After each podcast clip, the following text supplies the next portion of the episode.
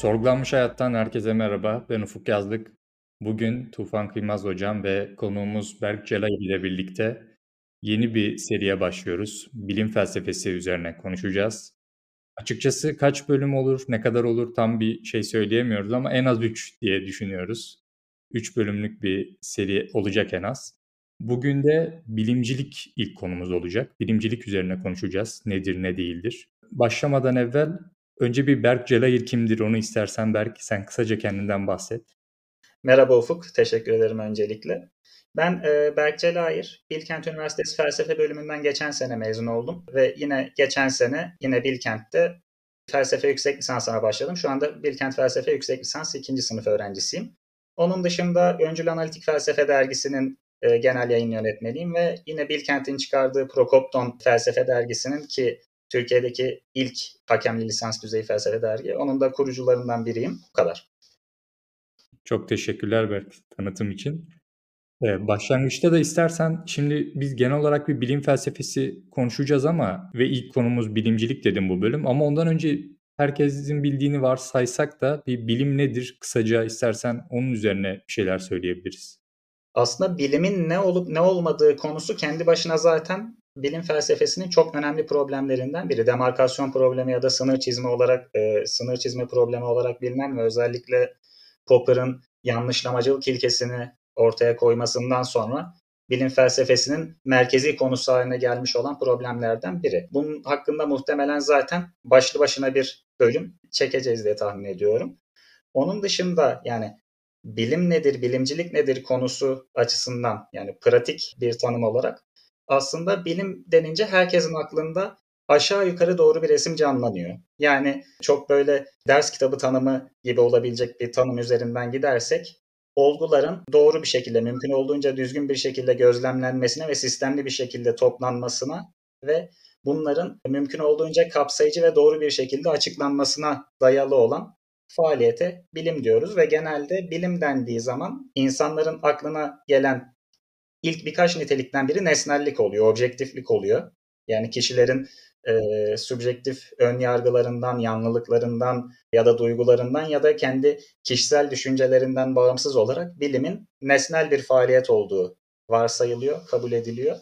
E, ve bilimcilik de yani bu şekildeki bilim şemasının üstüne bilimin dünyadaki tek geçerli bilgi kaynağı olduğu ya da en geçerli bilgi kaynağı olduğunu söyleyen bir görüş olarak ortaya çıkıyor.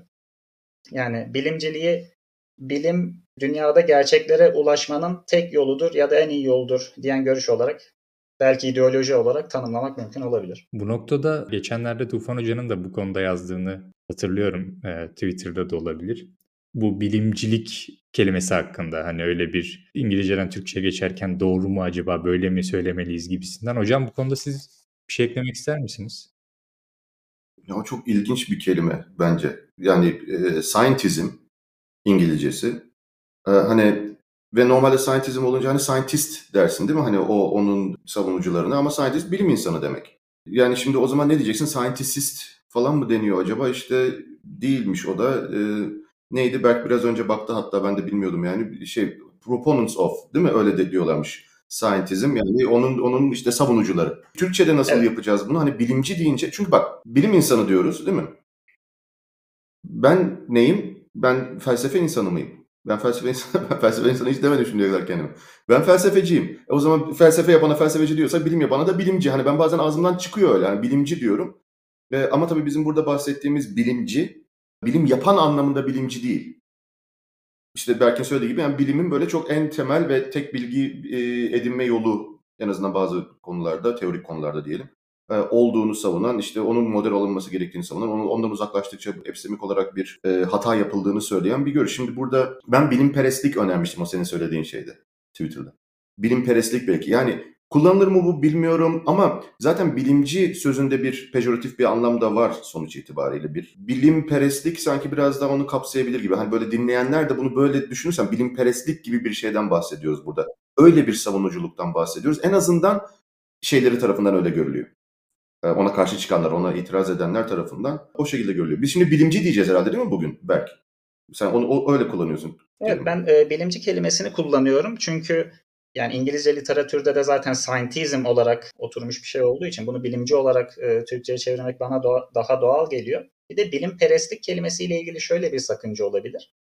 E, bilimcilik kelimesi dediğiniz gibi genelde e, bilimcilik dediğimiz düşünceye eleştirel yaklaşan insanların evet pejoratif maksatlarla da kullanabildiği hatta genelde de bu şekilde kullandığı bir şey. Ama aynı zamanda biz bilimciliği e, evet ben bilimciyim diyen insanlardan da e, duyabiliyoruz. Yani scientism kavramını ya da bilimcilik kavramını gerçekten benimseyen insanlar da var. O yüzden buna sadece pejoratif bir yakıştırma olarak e, bunu sadece pejoratif bir yakıştırma olarak görmek doğru değil. Bilim perestlik dediğimiz zaman belki o anlam kaybolabilir diye bir endişem var. Çünkü insanlar kendisini bilimci demek Doğru. konusunda daha meyilli hissedebilse bile ben kimsenin kendisine bilimperest diyebileceğini sanmıyorum ciddi bir şekilde, ironik olmayan bir şekilde. O yüzden bilimcilik iki çağrışımı da yansıtan daha iyi bir karşılık gibi geliyor bana. Ona ona katılmakla birlikte ama hayalperest insanlar varken de hayalperest yani. Yani ne bileyim hani böyle şey oturursa hani terim oturursa o pejoratifliğini de yavaş yavaş törpülenebilir gibi geliyor bana. Neyse bunu ciddi ciddi böyle şey yapmıyorum hani önermiyorum bırakalım bilimci demeyi. Ama sadece hani dinleyenler şey yapmak için bir dikkat etmeleri lazım orada. Burada burada eleştirilen bilim değil yani hani başka bir şey. Bilimcilik, eee, Berk ideoloji kelimesini de kullandı. Bir bir ideoloji mi olmaya mı daha yakın yoksa felsefi bir pozisyon olmaya mı daha yakın? Ya da ikisi birden olarak kullanılabiliyor mu? Yani ikisi birden olabilir. Aslında bu bilimciliği kimin savunduğuna göre biraz değişebilen bir durum. Bilimciliğin, eee, geneldeki toplum içindeki, eee, yüksek sesli savunucuları felsefi arka planı daha zayıf olan, daha çok bilimsel konularda işte fizik gibi, biyoloji gibi, e, astronomi konularda ön plana çıkmış e, bilim insanları olduğu için onlar adına bir ideoloji olması bir felsefi pozisyon olmasından çok daha yakın olabilir. Çünkü zaten bunlar felsefeyi de gereksiz gören insanlar olarak bilimcilerin bu kanadı bilimciliği zaten bir felsefe olarak değil gerçeğin ta kendisi olarak gördükleri için burada ideolojik bir e, tutuma daha yakın olduğumuz söylenebilir. Ama bilimciliğin felsefe içinde de savunucuları var. Yani gerçekten felsefeci olan ve gerçekten bu işi düzgün yapan aklı başında olduğu halde gerçekten bilimciliği bilimcilik ismiyle savunan yani başka bir isim vermeyen kendisini doğrudan bilimci olarak adlandıran felsefeciler var. Bunlar tabii ki daha epistemik olarak daha felsefi ve güçlü gerekçelerle kendilerini temellendirebiliyor ve bunlar için ideoloji yerine evet gerçekten felsefi bir görüş tabirini kullanmak daha mantıklı.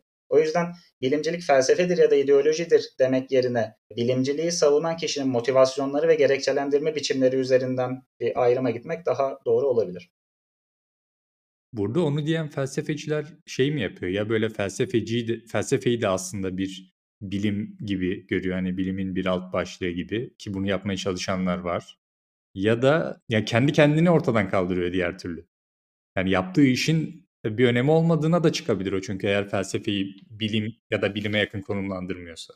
E, yaptığı işi önemsiz kılıyor mu emin değilim çünkü e, Quine gibi de yaklaşabilir bir insan felsefeye. Mesela Quine'da felsefeyi bilimi netleştiren ve bilime yardımcı olacak bir araç gibi görüyor kendi felsefe tasavvurunda. Bu bilimci dediğimiz felsefeciler de illa bilimin tek bilgi kaynağı olduğunu düşünmese bile en güçlü bilgi kaynağı olarak ortaya koyup bilimi daha çok netleştirmeye ve bilim dışı bilgi kaynaklarının ya da bilim dışı bilgi kaynağı olduğunu iddia eden şeylerin aslında o kadar da bilgi kaynağı olmadığını göstermeye yönelik felsefi bir çaba içinde olabilir. Bunun kendisi de felsefi bir çaba. Doğru. Burada Quine olması lazım. Hani bu epistemoloji konusunda bir önerisi olan Quine'dı değil mi? Yanlış hatırlamıyorsam bu psikolojinin bir evet. alt dalı evet. olsun gibi bir şey söylüyor. Aslında burada biraz senin dediğin şuna çıkıyor gibi. Evet birincil bilgi kaynağı olarak bilim ve en güçlü olanı. Dolayısıyla ona yakınsadığı sürece daha değerli ya da daha güçlü bir bilgi kaynağına dönüşüyor yine felsefe aslında bu bağlamda. Evet, e, bu noktada zaten bilimcilik diye böyle yeknesak bir görüş olmadığını da belirtmemiz gerekiyor. Bilimcilik bu bağlamda dar kapsamlı bilimcilik, e, geniş kapsamlı bilimcilik diye ayrılıyor. Güçlü bilimcilik, e, zayıf bilimcilik olarak ayrılıyor. Mesela güçlü bilimcilik ve zayıf bilimcilik arasındaki fark, güçlü bilimciler bilginin tek geçerli kaynağı bilimdir derken zayıf bilimciler denilen grup ki felsefeciler genelde zayıf bilimciler yani felsefeci bilimciler genellikle güçlü bilimcilikten çok zayıf bilimciliği savunur. Çünkü güçlü bilimcilik savunulması zor bir pozisyon ve özellikle bir felsefeci için zaten güçlü bilimciliği savunmak kendi kendini çürüten bir pozisyon olur mecburen. O yüzden genellikle zayıf bilimciliği savunurlar ve zayıf bilimcilik bilim bilginin tek kaynağıdır demek yerine bilim bilginin en iyi kaynağıdır ya da en güçlü kaynağıdır derler. Tabii bence bunda da ilginç bir durum var felsefeciler adına. Çünkü bilimin en temelinde bazı felsefi varsayımlar yattığı için işte dış dünyanın varlığını varsaymak olabilir, evrenin tek biçimci bir yapıya sahip olduğunu yani şu ana kadar nasıl işlediyse bundan sonra öyle de öyle işlemeye devam edeceğini varsaymak olabilir. Onun dışında işte nedensellikle ilgili, doğa yasaları ile ilgili birçok felsefi varsayım üzerinde işleyen bir sistem olduğu için aslında bilimin güvenilirliği yani bilim sonucunda elde edilen önermelerin doğayı, evreni olduğu gibi tasvir etme konusundaki başarısı aslında en temelde yatan bu felsefi varsayımların doğruluğuna bağlı. Eğer felsefe bilimden daha zayıf bir bilgi kaynağıysa, bilim daha güçlü bir bilgi kaynağıysa, daha güçlü olan bir bilgi kaynağının daha zayıf olan bir bilgi kaynağı tarafından temellendirilmesi gibi bir problem burada ortaya çıkabilir. Böyle bir sorun var. Genelde bilimciler o temeldeki varsayımları çok hızlı geçmeyi tercih ediyorlar. Yani hemen orada bir hızlıca aslında sanki öyle varsayımlar yokmuş gibi bir sonraki adıma geçip bilim tek ve en işte güçlü bilimci ise eğer tek ve en güçlü bilgi kaynağıdır falan diyorlar. Burada peki sosyal bilimlere bir parantez açmak gerekebilir mi? Evet, o konuda da bilimciler arasında bazı ilginç e, yaklaşımlar var. Mesela dar kapsamlı ve geniş kapsamlı bilimcilikten bahsetmiştim. Dar kapsamlı bilimciler bilim derken direkt doğa bilimlerini kastediyorlar. Yani bilim doğruluğu ya bilginin tek kaynağıdır ya da en iyi kaynağıdır derken onlar sosyal bilimleri bunun dışında tutuyorlar ve doğa bilimleri tek kaynağıdır ya da en geçerli kaynağıdır diyorlar. Ama geniş kapsamlı bilimcilik tüm bilimleri, sosyal bilimler de dahil olmak üzere tüm bilimleri işin içine alıyor ve bilginin en iyi kaynağıdır ya da tek kaynağıdır gibi iddialarda bulunuyorlar. Bu noktada e, Mikael Stenmark'ın akademi içi bilimcilik ve geniş toplumdaki bilimcilik şeklinde bir ayrım var. Bu konuda akademi içi bilimcilik ayrımını özellikle önemsiyorum. Bunu şu şekilde tanımlayabiliriz. Akademi içi bilimcilikte de Şimdi farklı akademik alanlarda doğa bilimleri var, sosyal bilimleri var, işte başka alanlar var. Bunlar fen bilimlerine ve özellikle de fiziğe. Çünkü bilimciler özellikle fiziği ideal bilimin böyle model örneği olarak ele alırlar. İdeal bilim fiziktir. Fiziğe ne kadar yakın olursa metodolojik olarak o kadar sağlamdır. Fizikten ne kadar uzaklaşırsa o kadar e, sıkıntılı olmaya başlar. O yüzden yani bir bilimci perspektifinden baktığımız zaman fizik mükemmel bilimse biyoloji fizikten biraz daha kusurlu bir bilimdir. Psikoloji e, biraz daha kusurlu bir bilimdir. Sosyoloji daha da kusurlu bir bilimdir. Bu şekilde bir hiyerarşi halinde gider. Bu akademi içi bilim cilik denilen görüşü savunanlar da diğer akademik alanların fiziğe ya da doğa bilimlerine indirgenebilir olduğu ölçüde değerli olduğunu savunur ya da fizikteki ve doğa bilimlerindeki metodolojilerin diğer sosyal bilimlere ve diğer akademik alanlara genişletilmesi gerektiğini ne kadar genişletilebiliyorsa yani diğer bilimler dediğimiz şeyler, sosyal bilimler dediğimiz şeyler, fen bilimlerinin metotlarıyla ne kadar kapsanabilirse onların da önce o kadar değerli olabileceğini söylüyorlar. Bir şey soracağım. Bu Hawking'in, Stephen Hawking'in işte Dawkins de diyor, e, Neil deGrasse Tyson da bir ara öyle bir şey demiş. Hani böyle felsefe öldü dedikleri şey. Artık bilim varken felsefeye gerek yok. Bunu da bilimcilik olarak şey yapıyor musun? Görüyor musun bu ifadeyi? Bu bence bilimciliğin en böyle iyi ve aslında vulgar örneklerinden biri. Ama çok net örneklerinden biri. Özellikle işte Stephen Hawking'in artık felsefe öldü, keşif arayışımızın e, meşalesini artık bilim insanları tutuyor. İşte bizim metafiziksel sorunlarımızı artık cevaplayabilecek tek araç bilim gibi cümleleri ya da diğer bilimcilerin işte ahlakı tamamen bilime e, indirgemeye çalışması, bütün felsefi konuları bilime indirgemeye çalışması bunlar evet bilimciliğin çok net örneklerinden biri aslında. Yani tek bir bilginin tek kaynağıdır bilim ve eğer şimdi burada iki şey var aslında. Hani bilginin bilginin tek kaynağıdır var.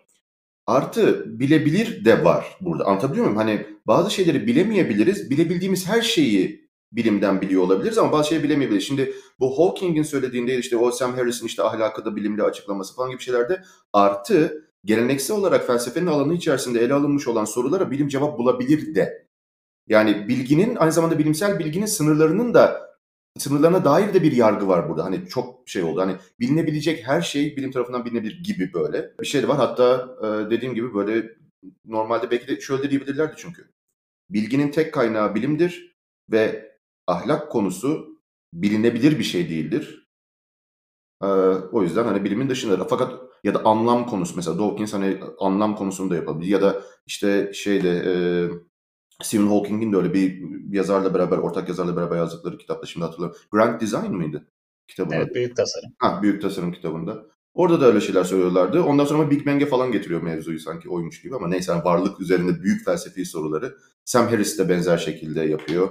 İşte ne bileyim e, Dennett bilinci açıklarken benzer bir şey yapıyor ya da açıkladığını iddia ederken bence gayet başarısız bir şekilde. Peki bir şey soracağım ama. Burada eğer yani bu şimdi güçlü bilimcilik olarak alırsak e, bilginin tek kaynağı bilimdir ve hatta hani geleneksel olarak felsefenin elinde olmuş olan konularda da bilim söz sahibidir. Peki burada hani bu iyimserliğin fizik bilimine modelleyerek hani yapılabilecek olan bilimin bu kadar çok böyle güvenilirliğinin ve aynı zamanda açıklama gücünün nasıl temellendirildiği konusunda bir şey söyleyebilir misin? Yani bilimcilerin argümanı ne? Yani neden bilimci olalım? Anladın mı? Bunu, bunu soru bu yani. Neden bilimci ol, olmalıyız onlara göre? Doğa bilimleri son 200 yıl içerisinde çok e, ardışık güçlü başarılar sergiledi. Yani insanlık tarihinin bütününü ele aldığımız zaman aslında doğa bilimleri denilen yapının, paradigmanın bağımsız bir araştırma programı olarak ortaya çıkmasından sonra ne kadar çok şeyin e, üstündeki gizemin ortadan kalktığını böyle arka arkaya görebiliyoruz. Bir anda yani son 300 yıl içerisinde düşündüğümüz zaman bütün evreni yöneten yasalar keşfedildi. Tam o keşfedilmişken çok büyük cisimlerde o yasaların çalışmadığı keşfedildi. Çok küçük cisimlerde o yasaların çalışmadığı keşfedildi. Ay'a çıkabilecek bilgi birikimi ortaya konuldu. Yani evrenin en eski anları hakkında yani Steven Weinberg'in İlk 3 Dakika diye kitabı var. Yani evrenin 15 milyar yıl öncesi hakkında delillere dayalı spekülasyonlar yapılabilecek bir duruma geldik. Kaç bin yıllık insanlık tarihi içerisinde doğa bilimlerinin parlamaya başlamasından sonra çok hızlı bir şekilde doğa fethedilmeye başlandı. Ve bu bana göre yani bilimcilik denilen görüşün altındaki en önemli motivasyon bilim şu ana kadar birçok şeyi açıklayabildiği için bu başarıyla devam ettiği takdirde her şeyi açıklamaması için bir sebep yok gibi bir iyimserliğe sebep oldu. Yani, Peki bu bir bu bir motivasyon dedin. Değil mi? Onların motivasyonu. Evet, Peki bu bir argüman mı? Bu bir motivasyon mu argüman mı? İkisi farklı şeyler. Bunu, bunu bir argüman olarak değil, bunu bir motivasyon olarak ele alabiliriz. Çünkü bilim birçok şeyi güçlü bir şekilde açıklama, açıklamaya başladıktan sonra e bu böyle gider zaten yani şu ana kadar açıklanamaz denilen bir sürü şeyi açıkladı. E bundan sonra da açıklanamaz denen bir sürü şeyi o zaman açıklayabilir. Biz bunun peşinden gidelim şeklinde bir motivasyon yaratıyor. Ama bence argümanları şu bilim kendi içerisinde ilerleyen bir alan ama bilim dışındaki alanların mesela felsefenin bilime benzer bir şekilde ilerlemediğini ve hiçbir şekilde aslında ilerlemediğini söylüyorlar. Yani biz bilime baktığımız zaman 100 sene öncesinin bilimiyle bugünün bilimini kıyasladığımızda 100 sene önce bilinmeyen birçok şeyin bugün bilindiğini görüyoruz. 100 sene önce inanılan e, yanlış birçok şeyin bugün terk edildiğini görüyoruz ve bilim sürekli kendisini geliştirerek ilerlemeye ve daha fazla şeyi bilmeye devam ediyor. Ama felsefe için böyle bir ilerleme olmadığını söylüyorlar ve genelde argüman bu. Yani sadece felsefe için de değil, bilim dışında hiçbir alanın bu şekilde bir ilerleme sağlamadığını söylüyorlar. Ama motivasyonsa bu sadece o zaman çok altı boş kalmış oluyor. Çünkü burada şöyle bir şey var. Hani tamam bilim ilerliyor. Yani motivasyon her yerden edinilebilir. Hani bu motivasyon doğru bir şekilde edinildi mi edinilmedi mi sorusu var. Uygun mu bu motivasyonu bu gözlemden edinmek sorusu var. Hani oradaki değerlendirmeyi nasıl yapacağız? Çünkü buna karşı çıkanlar da nereden çıkıyorlar? Tamam bilim her zaman tamam ilerledi kabul. Yani ona da karşı çıkanlar var ama ilerlediğini bence e, kabul etmek lazım. Ama nasıl ilerledi? Aynı şeylerde ilerledi. Benzer sorularda ilerledi. Yani normatif sorularda, değer sorularında ya da bilinç gibi öznel öznellikle alakalı sorularda, yine anlam gibi değere dair sorularda oralarda değil. Hatta onları görmezden gelerek ilerledi. Yani şeylere odaklanarak, ölçülebilire odaklanarak, ölçülemezi, gözlemlenemezi geride bırakarak bu şekilde ilerledi. Şimdi hep ölçülebilir üzerinden gittikten sonra ölçülemez üzerinde de e, yani oradaki ilerlemesine bakarak ölçülemez üzerinde de olarak ölçülemez üzerinde de ilerleme kaydedeceğine dair inanç e, argümanla desteklenmesi gereken bir inanç. Yani o motivasyonun oradan çıkması psikolojik bir şey. Yani biz burada şeyi açıklamış oluruz. Bilimcilerin psikolojisini açıklamış oluruz. Neden bilimci olmalıyız sorusuna cevap teşkil etmiyor mesela. Ve orada da işte dediğin gibi hani felsefe işin içinde o varsayımlar falan girecek o zaman. Çünkü mesela bilginin tek kaynağıdır derken bilginin ne olduğunu da sormak lazım bu arada. Yani bilgi mesela ben şu anda şu anda kahve içiyorum. Yani dinleyenler göremiyor ama yani kahve içiyorum şu anda ve ben buna eminim. Ben biliyorum bunu. Şimdi oldu bilim mi söylüyor? Yok. Şimdi demek ki böyle bir şey ama yani çok basit indirgediğim farkındayım ama demek ki bilgi derken böyle bilgiden bahsetmiyoruz. Demek ki bilimsel bilgi başka bir şey. Ve o bilgi, o bilgi bilimin tekelinde olmalı gibi bir görüş bu. Peki o bilgi nedir? O bilginin sınırlarını nasıl çizeceğiz?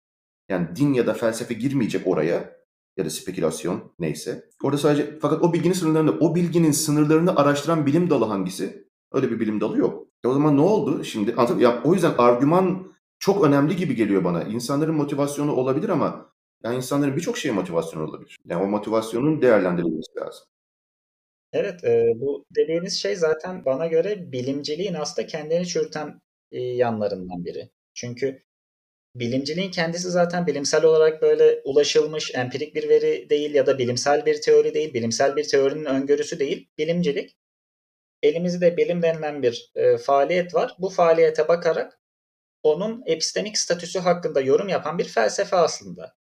Ve her felsefi görüş gibi felsefi olarak temellendirilmesi gerekiyor. Çünkü bu zaten empirik bir mevzu değil başta da dediğimiz gibi. Ve felsefi olarak temellendirilmesi gerektiği için zaten kendisinin kabul etmediği bir araç tarafından savunulması lazım aslında.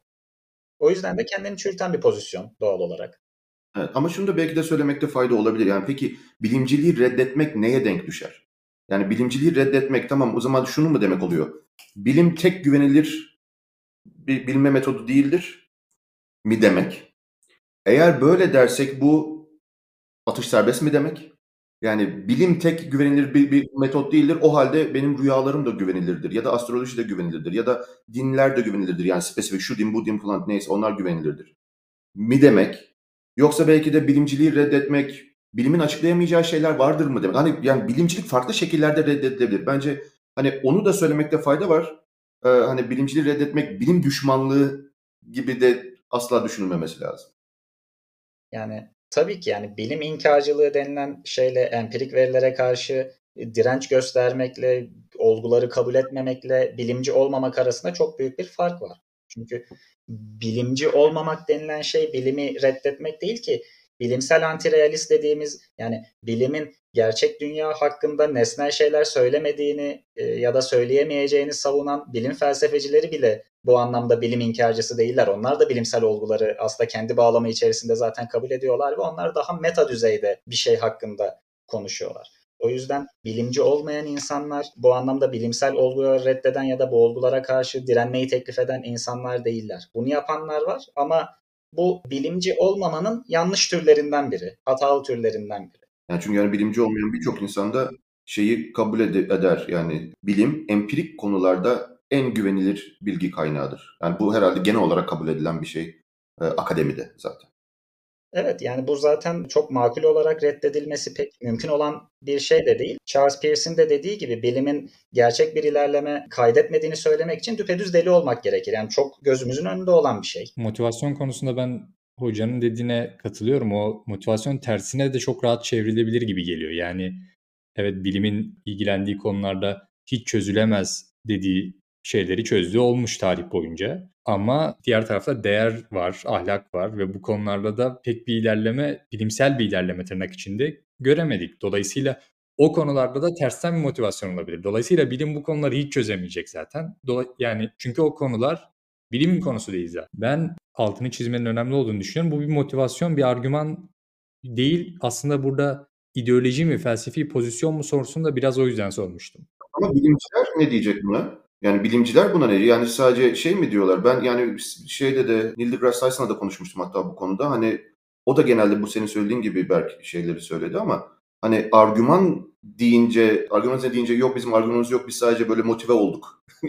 Baktık bilim tarihinde bir motive olduk o yüzden bunları söyledi demiyorlar herhalde bilimciler. Yani argüman konusunda ne diyorlar?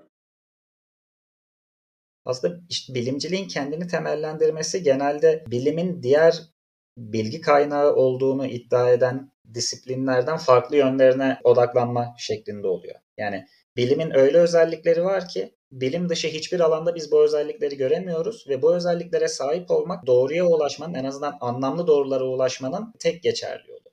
Yani Aslında bu ilerleme denilen şey bilimcilerin en önemli argümanlarından biri olabilir. Çünkü bilime benzer bir ilerlemeyi başka hiçbir disiplinde, felsefede dahil hiçbir şeyde görmediğimiz için buradan e, demek ki anlamlı ve kayda değer bilgi üreten tek alan bilimdir sonucuna ulaşmaları çok zor olmuyor. Eğer ilerleme yani onların anladığı şekliyle ilerleme anlamlı bir bilgi kaynağı olmanın gerek koşullarından biri ise. Çünkü diyorlar ki mesela Platon'dan beri hala aynı şeyleri, aynı soruları sorup duruyorsunuz ama bir, bir şeye varamıyorsunuz, bir konsensüse varamıyorsunuz. O zaman felsefe anlamlı bir bilgi üretmiyor diyorlar. Ya o da ne yalandır ya vallahi billahi yani ya artı bir şey daha söyleyeyim. Hani tamam biz Platon'dan beri belki de yani çok benzer soruları soruyor olabiliriz ama çok farklı şekilde soruyoruz ve çok farklı yollarla cevaplamaya çalışıyoruz bu arada. Ya ben daha önce de söylemiştim bunu. Bana şey gibi geliyor. Hani Platon'la aynı soruları soruyoruz demek hani bak cerrahlar da hala Platon'un zamandan beri aynı yerleri kesiyorlar. Cerrahi hiç ilerlemedi demek gibi bir şey bence bu arada. Felsefede bazı sorular bayağı zor sorular ve bunlar e, felsefede merkezi yer işgal ediyorlar. Yani mesela işte ne bileyim varlığın özüne dair sorular, metafizik bayağı derin sorular, Tanrı'ya dair sorular olabilir, bilince dair sorular olabilir. Bunlar hem zor sorular hem de merkezi sorular. Fakat fizikteki, bilimdeki zor sorular, en zor sorular en merkezde değil. Yani evren nasıl meydana geldi, varlığın en temel yapı taşı nedir gibi soruları sormadan çok rahat fizik yapabilir bir insan. Bu sorular hiç karşısına bile çıkmayabilir. Ama bu sorular da fizikte cevaplanamayan sorular hala. Yani zor sorularda orada da çok fazla bir şey yok. Felsefede nasıl ilerleme varsa orada da o tarz bir ilerleme var diyebiliriz. Ama orada da konsensus yok. Yani maddenin en temel yapı taşı ne şimdi? Neye karar verdik en son? Sicim miydi? Yo bir ara çıktı falan ondan sonra şeyler oldu. Hani o hala var. Zamanın doğası fiziksel anlamda. Zamanın doğası üzerine falan. Bu gibi sorular e, fizikte de cevaplanamayan hala sorulan. Yani Platon'dan beri aynı soruları soruyorsunuz. E, fizikçiler de Platon'dan beri hala zaman nedir? Hala işte maddenin en temel arke hala arke sorusu var. Cevaplanmadı da. Ama bu neyi gösterir? Ya bu bir şey göstersen bunlar hakkında hala uğraşmamız gerekiyor. Felsefede ilerleme yokmuş gibi görünmesinin sebeplerinden bir tanesi daha bu uzun konu tabii ama hani zor soruların merkezi yer işgal etmesi bence. Ve çok daha az varsayımla hareket ediyor olması. Yani bir bilim için dış dünyanın varlığı diye bir problem yok. Onu zaten kabul ederek hareket ediyor. Ama felsefe için bu ayrıca konuşulması gereken bir şey. Yasalar ayrıca konuşulması gereken bir şey. Bilimin zaten öyle diyerek yola çıktığı şeylerin birçoğu zaten felsefe için başlı başına ayrı bir problem. O yüzden felsefe bilimden e, çok daha geniş bir çerçeve içinde hatta yani neredeyse hiçbir çerçeve olmaksızın hareket eden bir alan olduğu için zaten ilerleyecek yönleri olsa bile bu bilim gibi tek başına bir ilerleme yani lineer bir ilerleme şeklinde değil çok çok farklı yönlerden böyle çok farklı yönlere ilerleyen bir doğrultu oluyor.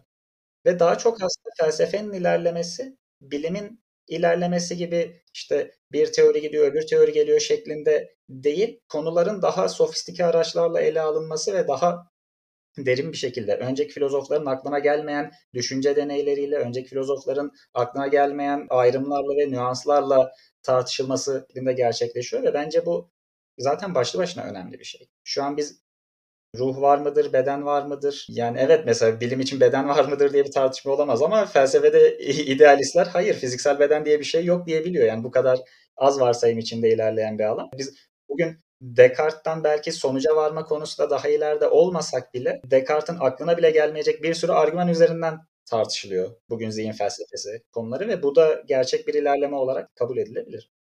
Evet, şeyde Twitter'da ben bu internete bilgelik saçarken bir şey söyle bir, bir şeyim vardı. Bir şey söyledim şöyle. Felsefe yolda olmaktır diyor ya Karl Jaspers.